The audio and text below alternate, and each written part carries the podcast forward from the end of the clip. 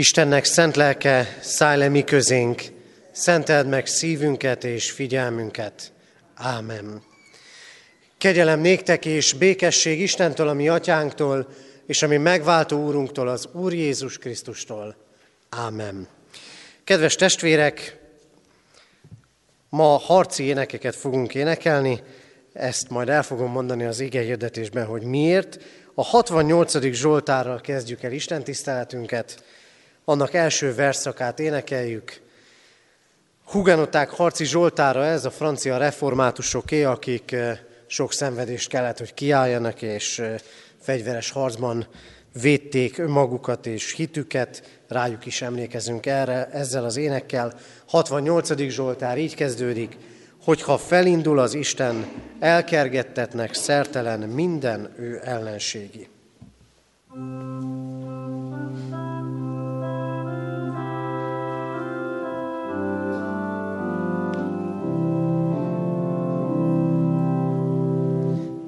A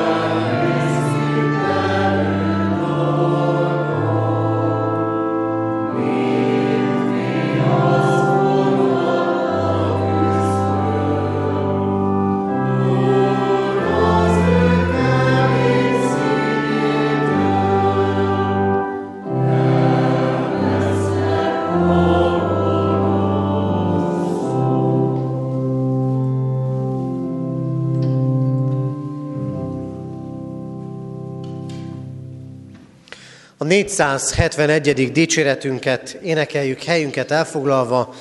A 471. dicséretünk első, második és harmadik, tehát első három verszakát. Az első vers így kezdődik, felbarátim, drága Jézus zászlaja alatt.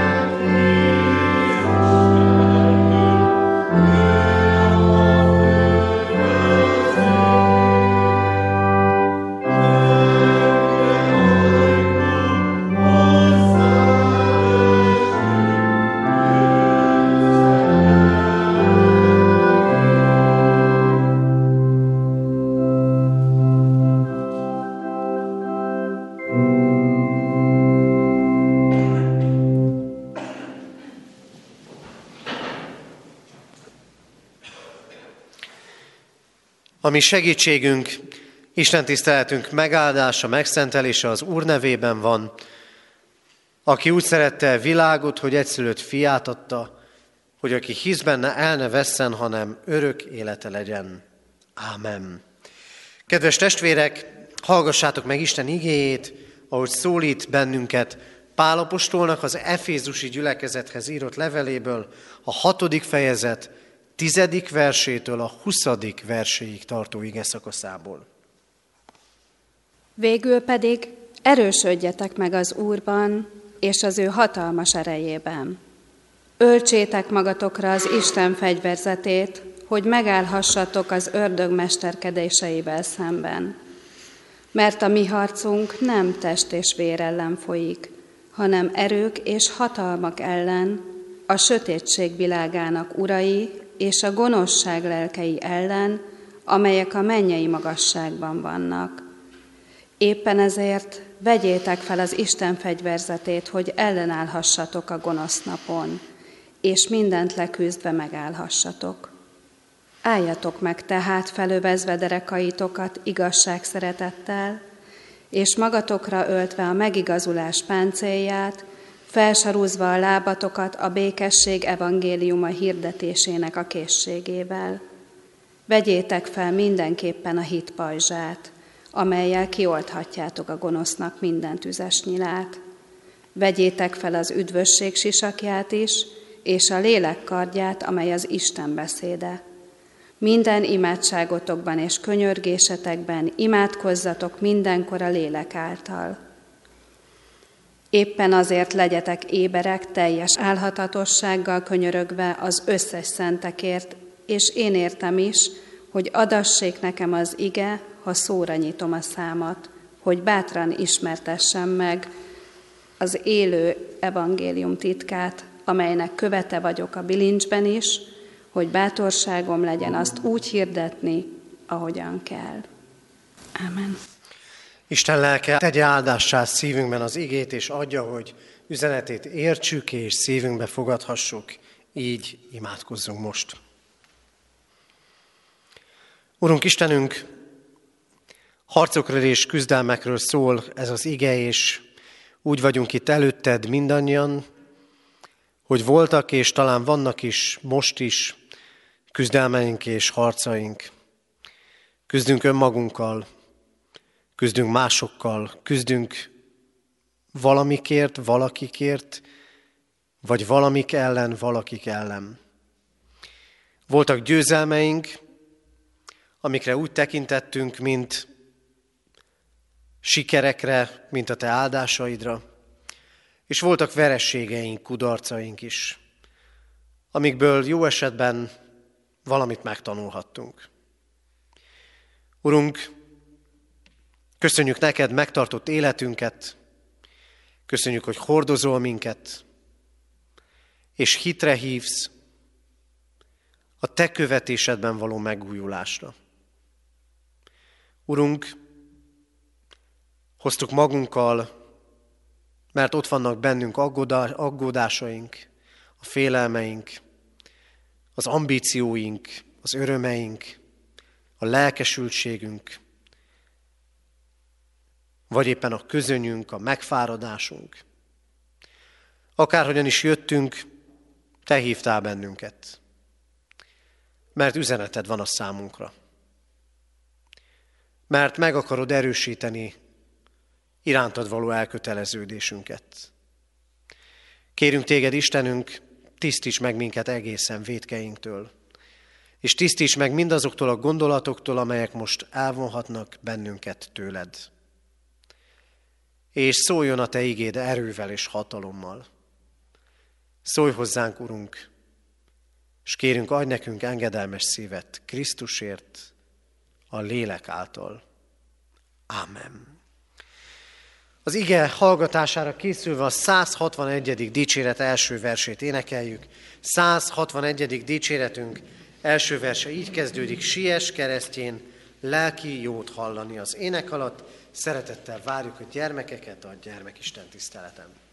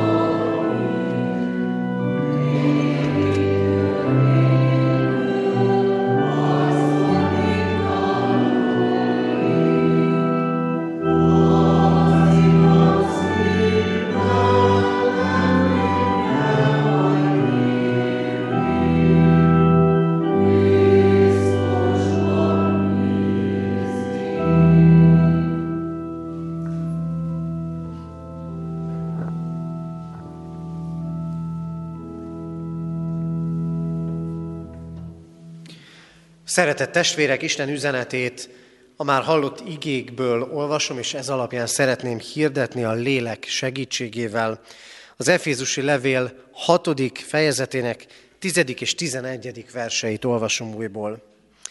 Végül pedig erősödjetek meg az Úrban és az ő hatalmas erejében. Öltsétek magatokra Isten fegyverzetét, hogy megállhassatok az ördög mesterkedéseivel szemben. Ámen. Eddig Isten írott igéje.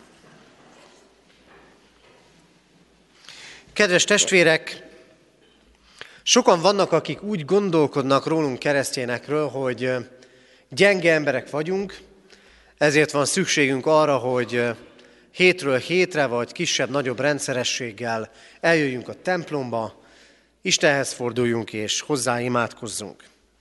Sokan vannak, akik úgy gondolkodnak rólunk, hogy a keresztjének olyan emberek, akik nem tudnak küzdeni, vagy nem akarnak küzdeni. Hogy a konfliktusaikat, a terheiket nem maguk akarják megoldani felelős emberekként, hanem mindezeket rátolják, ráhárítják az Istenre. Vannak sokan olyanok, akik azt gondolják, hogy a keresztjének olyan emberek, akik nem igazán tetrekészek, akik nem nagyon szedik össze az erejüket, sokkal jobban szeretnek félrevonulni a világtól, magunkban ellenni, gondolkodni, imádkozni, templomba járni. Nos, alapvetően azok fogalmaznak meg ilyen véleményeket, gondolatokat, akik nem ismerik sem a Szentírás üzenetét, sem pedig a gyülekezeteink életét. Bár hozzá kell tennem, hogy valóban vannak olyan jelek, mintha a kereszténység, legalábbis a világ ezen felén, ahol élünk, háttérbe szorulna egyfajta önkéntes száműzetésbe, nem annyira hallják a szavunkat, nem annyira látják a tetteinket. De az Efézusi levélben egész más látunk. Azt látjuk, hogy a Krisztus követése igenis cselekedetekben kell, hogy láthatóvá legyen. És harcokról beszél az Isten égéje. Arról, hogy a keresztény embernek harcolnia kell. Az Isten népe igenis harcoló nép, harcoló közösség. Ha az Ószövetségre gondolunk, azt látjuk, hogy az Isten választott népe folyamatos harcok között élte az életét. Jó lehet, megígérte nekik az Isten Kánoán földjét, az ígéret földjét, de az nem úgy volt, hogy besétáltak oda. Meg kellett harcolni a, harcolni a harcokat, a csatákat, veszteségeik voltak, terheik voltak, kudarcaik voltak, míg végül sikerült a honfoglalás. Aztán meg kellett védeni a földjüket. Az Isten követésében élni, az nem azt jelenti, hogy egyszer megharcoltam a harcaimat, és akkor ott utána jönnek a boldog békeidők. Ilyen nincsen. Aztán, hogyha az új szövetséget nézzük, Krisztust úgy látjuk, mint aki harcol. Krisztust úgy látjuk, mint aki harcol az emberért. Imádságban harcol. Szenvedések között harcol. Vért verejtékezve harcol. Harcol az emberekért. Pálapostól pedig arról beszél, Timóteusnak, harcold meg a hit nemes harcát, és ragad meg az örök életet, amelyre elhívattál. Sőt, önmagáról úgy val, élete vége felé közeledve, a nemes harcot megharcoltam. Futásomat elvégeztem, és a hitet megtartottam. Arról beszél több helyen is az Isten igé, hogy a hit az harc. A hit az nem olyan, hogy egyszer megvan, és akkor hátra lehet dőlni. Mert jönnek kétségek, jönnek nehézségek, jöhetnek az életünkben olyan próbák, amelyek megpróbálják a hitünket. A hit az harc. Én ma erről a harcról szeretnék szólni közöttetek.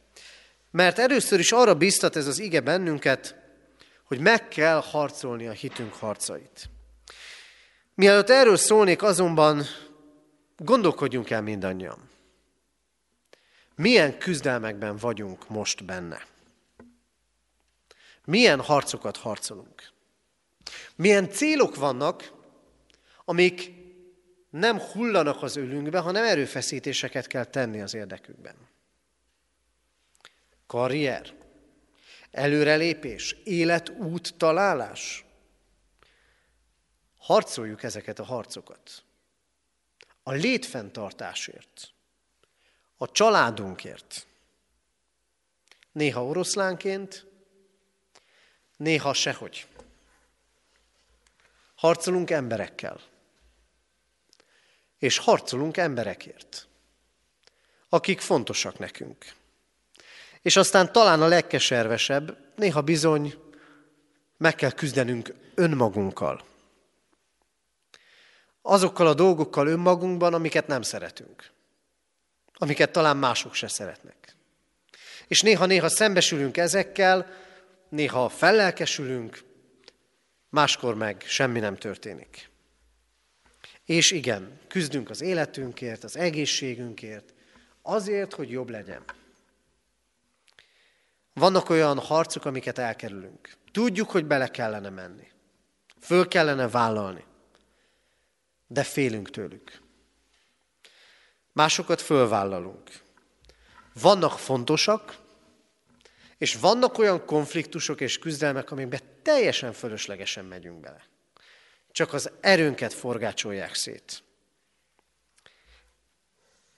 Ismerek embert, embereket, akik nem nyughatnak, ha nem harcolhatnak. Valamiért, vagy valaki ellen még inkább mindig küzdeni akarnak. És ismerek olyat is, akinek másból se áll az élete, csak hogy elkerülje a konfliktusokat, a küzdelmeket, a harcokat. Kell nekünk keresztény emberekként küzdenünk? Igen, kell. A középkori egyházat úgy jellemezték, hogy a harcoló egyház. De a szó szerinti harc volt. Fegyverrel, vérrel, verejtékkel. Küzdelem a hitért és a hit terjesztéséért. Meggyőződésem, hogy sokszor rossz eszközökkel. Félreértett harc volt ez. Mint ahogy ma sokan az iszlámot a harccal azonosítják. Mert ők még tudnak küzdeni. És most nyilván nem az öngyilkos merénylőkre gondolok. De vajon bennünk van-e készség küzdeni önmagunkért, emberekért, a hitünkért, az egyházunkért? Pálapostól világosan beszél. Mi nem test és vér ellen harcolunk, hanem erők és hatalmak ellen, a sötétség világának urai és a gonoszság lelkei ellen. Igen, ebbe kell beszállnunk. Azt mondja az ige, hogy a keresztény ember harca az egy lelki, szellemi harc. Mindenek előtt. Egy nem látható ellenség ellen, aki azonban mégis valós. Hogy igen, fontosak a mindennapi küzdelmeink. Bele kell állni, küzdeni kell emberekért, önmagunkért és ügyekért, de életünk legfontosabb harca lelki harc. A sátán ellen. Miért jött Krisztus? Hogy az ördög munkáit lerontsa. Legyőzze az ördögöt. Mert az ördög is épít. De Krisztus azért jött, hogy lerontsa az ördög munkáit. Az meg nem megy harc nélkül. Nézd Krisztus harcait. Nézzük meg, ahogy fölvállalja a konfliktusokat. Ahogy szembe megy a látszatvallásossággal ahogy szembe megy a farizeusokkal, a képmutatókkal, beleáll ezekbe a konfliktusba a lelki harc jegyében. Ott van a kísértés története. Krisztus harcol, mert a sátán megtámadja. Harcol imádsággal, és harcol igével. És harcol a Gecsemáné kertben. Értünk. És harcol a kereszten és győz a feltámadásban. De győzelem nincs harc nélkül. Mi rosszul értve sokszor az Isten kegyelmét, mert igen, kegyelem alapján van üdvösségünk, azt gondoljuk, hogy nem kell harcolni. De győzelem nincs küzdelem nélkül. Ha küzdünk, abban benne van, hogy veszítünk. De ha nem küzdünk, már veszítettünk. Krisztus küzd. A legfontosabb harcunk az, hogy beálljunk Krisztus mellé. A legfontosabb harcunk a bennünk lévő bűnnel és kísértéssel szembeni harc. A legfontosabb harcunk a hitünkért folytatott harc. Van, aki úgymond könnyen jut hitre. És később jönnek az életében olyan kihívások, amik miatt megrendül a hite.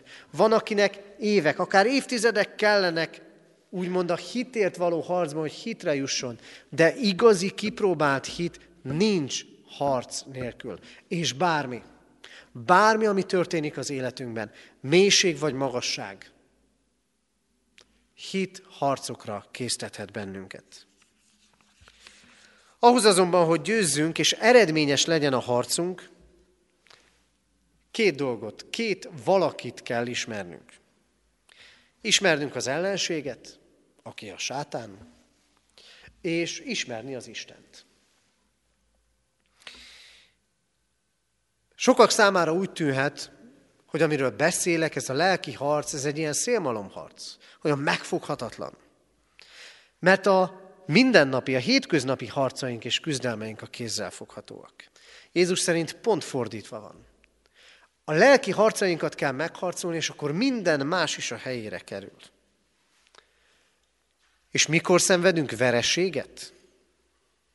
Akkor, ha azt mondjuk, hogy nincs ellenség. Ha azt mondjuk, hogy nincs sátán. De az ige világosan beszél erről. Krisztus kísértéseiben és küzdelmeiben, vagy éppen itt az Efézusi levélben. Erők és hatalmak ellen van a mi harcunk. Ha azt gondoljuk, hogy nincs ellenség, már veszítettünk. Gondoljunk el egy katonát, aki úgy megy ki, úgymond a határövezetbe vagy a frontra, hogy á, nincs itt az ellenség. Lehet a legjobb fegyvere, éjjellátó készülék, amikor az kell, mindene, ha ő neki nincs az a tudata, hogy itt lehet az ellenség, meg fog halni. Veszíteni fog. Vagy akkor, ha rosszul mérjük fel az ellenség erejét, ha árnyékra vetődünk, úgymond. Hadd mondjak erre is egy példát. 75 éve lesz, hogy véget ért a második világháború. A második világháború egyik legnagyobb hadművelete volt a normandiai partra szállás.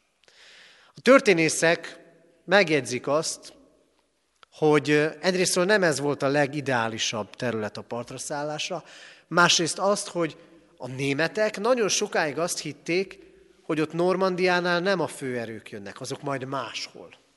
Nem oda összpontosították az erőiket. És így szenvedtek vereséget amikor azt hitték, hogy nem a főerő jön. És így vagyunk mi is a harcainkban. Sokszor máshova összpontosítjuk a figyelmünket, mint ahova kellene. Nem a lelki és szellemi harcra. Ezért bukunk el kísértésekben, ezért botlunk meg a hit útján újra és újra. Ki az ellenség? Az ellenség a sátán, akiről három dolgot mindenképpen mond az ige. Azt, hogy erős, azt, hogy gonosz, és azt, hogy ravasz. Erős, gonosz és ravasz. Erős. Erősebb, mint mi. Lehet úgy beleállnunk a magunk hitéletébe, hogy megszólít minket az Isten üzenete, és akkor majd én a saját erőmből. De nem fog menni, mert elbizakodottan nem lehet győzni. Hadd mondjak erre is egy példát. Az angol labdarúgó bajnokságot jelenleg a Liverpool vezeti. 25 ponttal. Félig már fogják a bajnoki serleget. Tavaly januárban kaptak ki utoljára a bajnokságba. A legnagyobb csapatokat is megverték. Erre egy héttel ezelőtt, az előző fordulóban, ha nem is a teljesen utolsó, de a kieső helyen lévő egyik csapattal találkoztak. Simán kikaptak három nóra. Persze lehet elemezni, hogy miért volt, meg meg is tették, de vajon nem volt ott bennük az elbizakodottság? Őket biztos megverjük. Na, ha azt gondoljuk, hogy a sátán biztos megverjük, akkor biztos, hogy el fogunk bukni. Aztán, a sátán erős. A sátán gonosz. Így mondja róla az ige, embergyilkos volt kezdettől fogva. Minden negatív, életet rontó emberi indulat mögött a sátán áll. A bűneset mögött. A szenvedélyek mögött. A szenvedély betegségek mögött. A lélek romboló dolgaink mögött, amivel magunkat meg másokat rombolunk. A sátán gonosz. Ne legyenek illúzióink. Csak jó a reklámja. Ott a bűnesetnél is azt mondja, nem haltok meg, olyanok lesztek, mint az Isten. A reklámja jó, de gonosz. És ravasz. Ravasz, ahogy itt mondja az ige, a sátán mindenféle mesterskedéseivel szemben kellene megállni. És igen, az elsődleges célpontjai a választottak. Értsük jól, nem a kocsmákba, meg a becsületsülyeztőkbe, meg nem tudom én, hol van nagy munkája a sátánnak. Ott már el van végezve minden. Itt. Bennünk. Bennünk akar lerombolni mindent, amit az Isten épített. Mert az Isten elhívott már bennünket. Bennünket akar elejteni. Nincs úgy, hogy ja, hát ő már jár templomba. Ő már megtért. Ő már elindult a hit útján. Akkor innen visszavonulok. Nem vonul vissza sehonnan. Amikor Krisztus megkísértette a sátán háromszor, és Jézus elutasította, akkor azt olvassuk utána, és aztán elhagyta őt a sátán. Egy időre. De nem véglegesen. De nem a sátánt kell leginkább ismerni, hanem azt, hogy ki van velünk. Egyházunk címerében van egy ige, a római levél 8. fejezetéből. Ha az Isten velünk, kicsoda ellenünk. Kié vagyok? Kihez tartozom? Ez a kérdés. A győztes Istenhez tartozhatok. Igen, a győzteshez. Nem ezután fog győzni. Nem majd a világ végén, mikor visszajön Krisztus ítélni élőket és voltakat. Nem már a döntő győzelmet learatta az Isten. A kereszten és a feltámadáskor. Legyőzte a bűnt és a halált. A döntő győzelem megvolt, de a sátán az utóvét harcokat még harcolja. Bennünk is. Ezért nincs más dolgunk, mint az Isten mellé állni. Erősödjetek meg az Úrban, és az ő hatalmas erejében. És végezetül fel kell venni az Isten fegyverzetét. Ezt mondja az ige. Mert ezt a harcot nem lehet világi eszköztárral megharcolni. És még csak az sem működik, hogy a céljaink jók, akár a mondjuk gyülekezet növekedésével, vagy bármivel kapcsolatban, és ahhoz olyan eszközöket használunk, ami, ami egyébként Tisztességtelen és erkölcstelen. Emberekért és emberek ellen, ha ilyen helyzetekbe kényszerülünk, nem szabad világi eszközökkel élnünk. A plegykával, a rágalmazással, a karaktergyilkossággal, ki tudja még mennyi mindennel. A győzelem úgy lehet, ha felöltözzük az Isten fegyverzetét. Erről persze külön hat prédikációt lehetne mondani, csak egy-egy gondolatot hadd adjak át. Pálapostól itt a római katonának az öltözetét állítja elénk. Sisak, saru, páncél, kard, pajzs. És mindegyikre mond valamit, hogy mit kell nekünk fel, felvennünk magunkra. Az igazság szeretet övét. Igen, úgy tudunk megállni, ha ragaszkodunk az igazsághoz, az igéhez, az Isten vezetéséhez, és kiállunk az igazság mellett. Ha fölvesszük a megigazulás páncélját, a páncél a testet, a belső szerveket védi. A megigazulás pedig azt jelenti, hogy bűntelenné lettünk Krisztus által. Hogy nem nekünk kell erőködni. Hogy nem kell elhinnünk a sátánnak azt a, azt a csalását és hazugságát, hogy nem vagy te elég jó keresztjén. Persze, nem is leszünk soha tökéletesek. De az nem jelenti, hogy semmik vagyunk. Mert az Isten már bűntelennek nyilvánított minket Krisztusért. És igen, vegyétek fel a sarut, a békesség evangéliuma hirdetésének készségét.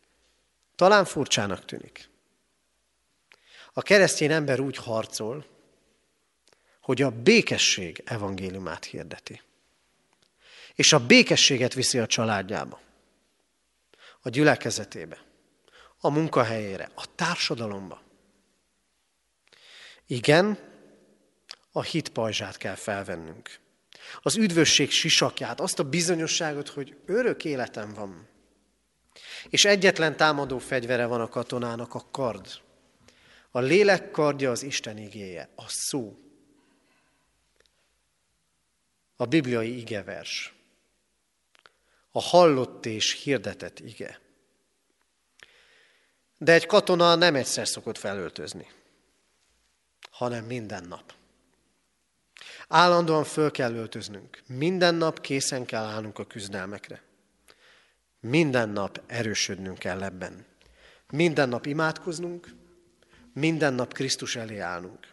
Kedves testvérek, harcra hív bennünket az Isten. Úgy, hogy harcoljuk a mindennapi küzdelmeinket. De azt mondja, legyen egy kis hangsúlyeltolódás a lelki, szellemi harcok felé. Isten fegyverzetével. Mellette, mert vele győzni fogunk. És akkor meg fogjuk tapasztalni, hogyha ezeket a lelki, szellemi harcokat a vele való közösségben vívjuk meg, akkor a mindennapi harcaink és küzdelmeink közepette is győzelmeket fogadni. Készítesz, hogy fölvállaljunk küzdelmeket, amiket fel kell vállalnunk, és elengedjünk olyanokat, amiket nem kell fölvállalnunk. Ezekben a harcokban, életünk minden harcában erősítsen meg bennünket a mindenható Isten. Amen. Isten üzenetére válaszul a 390. dicséret második versét énekeljük el. A 390. dicséretünk második verse így kezdődik. Erőnk magában mit sem ér, mi csak hamar elesnénk.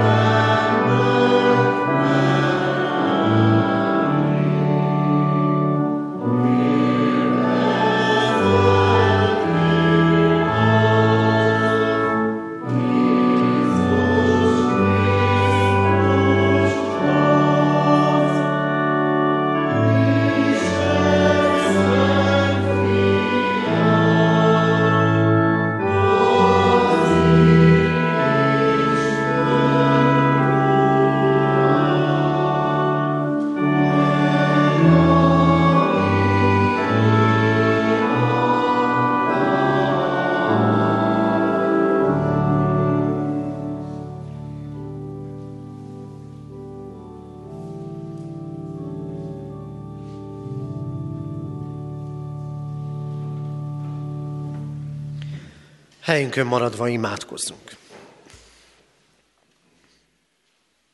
Urunk, látod, mennyi küzdelem van mögöttünk és bennünk. Mennyi olyan harc, aminek a kimenetele kétséges. Látod, hogy mikor vesz erőt rajtunk a csüggedés, és mikor érezzük nagyon bátornak és erősnek magunkat. Látod, Urunk, hogy önmagunkkal is sokszor küzdünk. De köszönjük, hogy Te teszel minket erőssé. Hogy Te vagy a mi erősségünk. Hogy belőled meríthetünk. Kérünk, Urunk, légy mellettünk azokban a küzdelmekben, amiket ezekben a hetekben, hónapokban, hónapokban vívunk. Ne hagyj el minket, és add, hogy mindennek jó eredménye legyen. És kérünk téged, Urunk, arra, hogy készek legyünk megvívni a lelki harcainkat. Tudva, hogy van ellenség, de tudva az, hogy te nála is erősebb vagy. mert legyőzted őt. És legyőzöd őt újra és újra. Adorunk, hogy így álljunk melléd, tőled várva segítséget és áldást. Adorunk, hogy ne világi eszközökkel legyünk benne a küzdelmeinkben, a konfliktusainkban, hanem a te fegyverzeteddel felvértezve önmagunkat.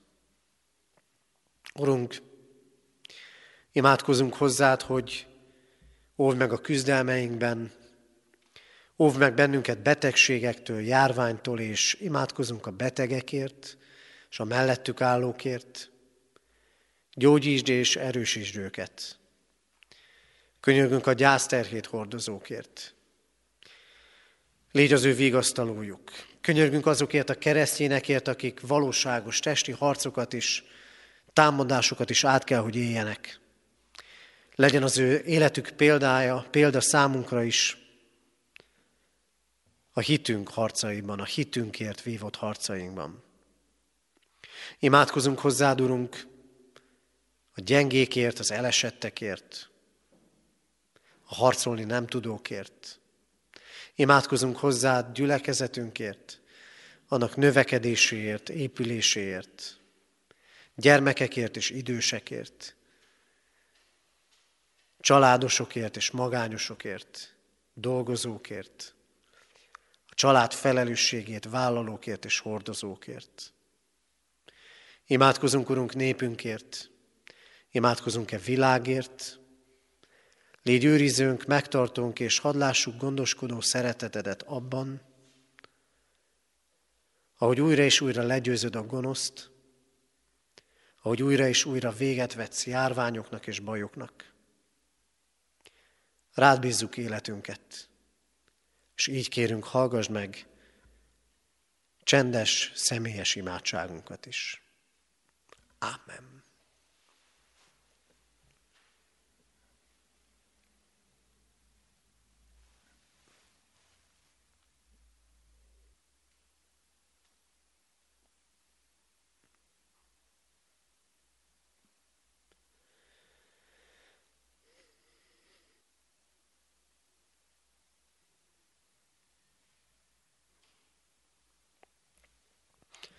Köszönjük, Urunk, hogy meghallgatod könyörgéseinket.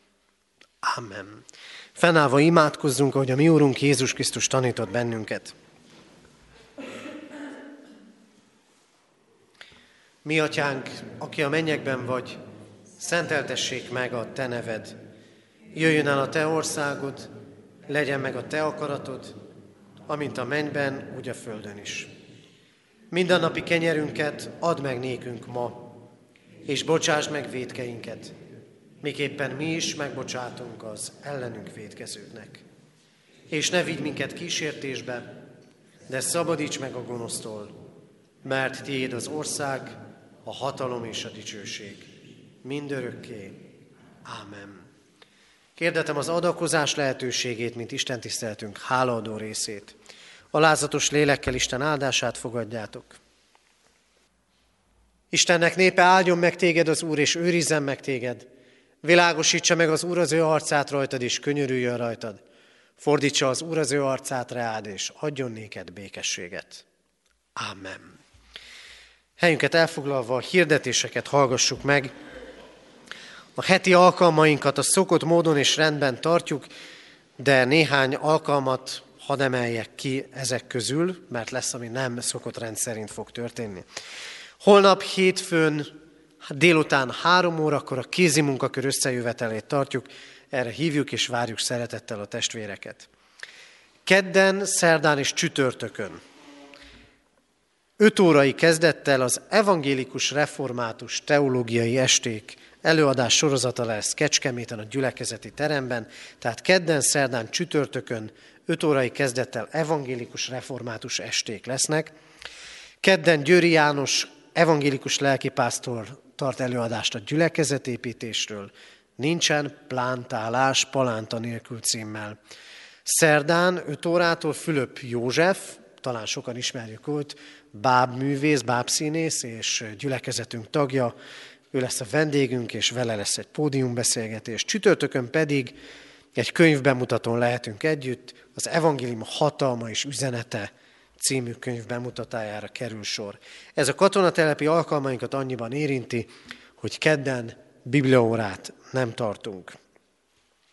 Jövő vasárnap szokott rendünk szerint 3.4.10-kor lesz istentiszteleten, istentisztelet itt a katonatelepi templomban.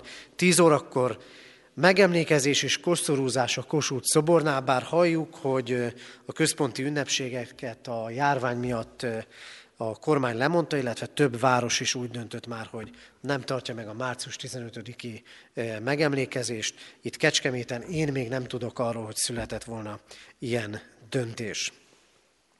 Imádkoztunk az elmúlt héten eltemetett Szőke Lászlóné Perics Mária 84 éves, Csendom Lajos 75 éves és Pap Sándorné Kis Mária 83 éves korában elhunyt szeretteiket gyászoló testvéreinkért. Halottunk van Dugár Dénesné Szabó Terézia 83 esztendős korában hunyt el. Temetése hétfőn délután három órakor lesz a köztemetőben.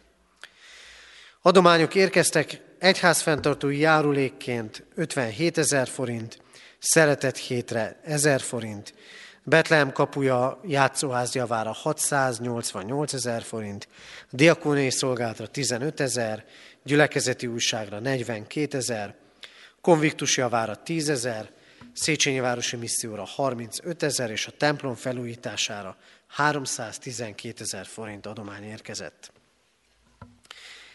Hirdetjük a testvéreknek gyülekezetünk nyári többgenerációs táborát. Az idei táborunknak a témája vagy a központi gondolata az úrvacsora, és ezt eh, különböző közösségekben és alkalmakon dolgozhatjuk föl. Ahogy látták a testvérek, van külön gyermekfoglalkozás, felnőttek is különböző bibliatanulmányozós, bibliaiskola és egyéb más foglalkozásokon, családos alkalmakon is részt vehetnek, illetőleg a délutáni idősávon pedig kirándulások, este filmklub és beszélgetések színesítik a, a programot, tehát mindenki megtalálhatja a neki tetszőt. A legkisebbektől a legidősebbekig, ha jól emlékszem, a két évvel ezelőtti táborban a legfiatalabb részve, az mondjuk pont a Sámuel volt, fél évesként, és a legidősebb pedig már 90 esztendős is elmúlt, úgyhogy senki nem olyan idős, hogy emiatt ki kelljen hagyni a tábort. A táborra jelentkezni lehet interneten, az Egyházközség honlapján, illetőleg a lelkészi hivatalban is. Így hívunk és várunk szeretettel mindenkit erre a táborra. Még három rövid hirdetés. Március 28-án Szombaton reggel 8 órától a templom tavaszi nagy takarítására kerül sor. Erre hívjuk és várjuk a testvéreket. Április 24-én, 25-én pápára eh, kirándulunk. A programban másfél óra van, ami eddig még nem tisztázott, hogy azt hol fogjuk eltölteni, de remélem, hogy jövő vasárnapra már ez is meg lesz. És Puskás Julcsi szeretne még egy fontos hirdetést átadni a testvéreknek. Áldás békesség! Nagy örömmel szeretném elmondani, hogy az Emmaus ház, a missziós házunk kapott két darab szalétrit, kiülőt, tehát ilyen pavilon, ahova ki lehet ülni, beszélgetni, az Úristen dicsőíteni. És az a helyzet, hogy ez a két pavilon már össze van állítva, és kint is van az Emmaus házban. Hála az Úristennek ezért, hogy ezt a mi gyülekezetünk kapta ajándékba. Egy svájci svájciaktól kaptuk ajándékba. Annyit szeretnék hirdetni nagy szeretettel, hogy jövő héten szombaton 9 órára várunk sok szeretettel mindenkit, akinek volna kedve kijönni az Emmaus házba, ugyanis ennek még nincsen alapja. A jó hír az, hogy nem kell betonozni. Minden megvan hozzá egyébként, ami szükséges ahhoz, hogy az alapokat megcsináljuk, csak hát kellene egy kis kézi erő is hozzá, meg némi finomság. Sok sok szeretettel várnánk a lelkes férfiakat, akiknek volna kedvük jövő héten, szombaton eljönni egy kis munkára, ahol szeretetben, közösségben együtt lehetne lenni, és együtt örülhetnénk az Úristennek, illetve olyan jó lenne, hogyha jönnének a párjaik is, illetve a gyerekek is, hogy közösségben, szeretetben együtt lehetnénk és együtt dicsőíthetnénk az Úristen, beszélgetnénk, imádkoznánk, énekelnénk, és nem mellesleg közben megalapoznánk ennek a két szalétinek az alapját. Úgyhogy erre hívok nagy szeretettel mindenkit, és nagy örömmel. Köszönöm. Köszönjük szépen, és még egy utolsó hirdetés, hogy egyházunk zsinata állást foglalást adott ki a koronavírus járványhoz kapcsolódóan. Jól lehet, mi már túl vagyunk a bőti úrvacsorán, de azt javasolják, hogy a következő időszakban külön kis kelyhekből úrvacsorázunk, kizárólag, ahol ezt meg tudjuk oldani, itt meg tudjuk oldani, illetőleg azt is kérik, hogy lehetőleg a készfogások számát is csökkentsük és kerüljük el. Ezzel együtt is én ki fogok állni az ajtóba, és ha nem is készfogással, de mindenkitől el fogok majd személyesen köszönni de természetesen jelenleg nem tudom, hogy bármilyen problémám lenne nekem vagy másnak, tehát nyitott vagyok a készfogásra is.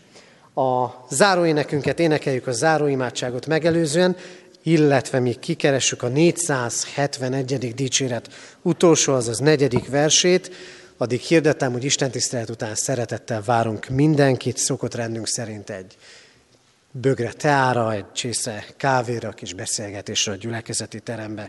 471. dicséret utolsó verse, harci zajban, küzdelemben, oldalunkon áll.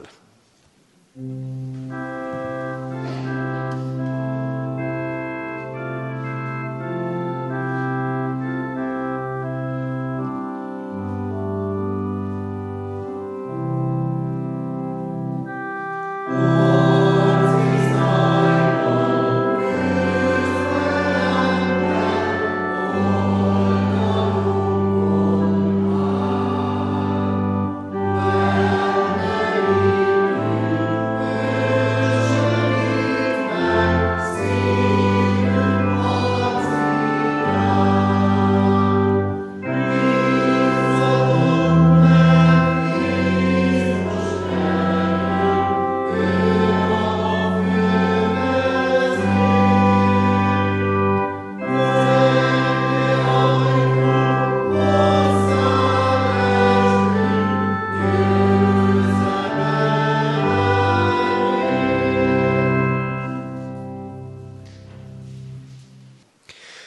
Hűséges Jézusunk, tégy minket a Te szófogadó tanítványaiddá.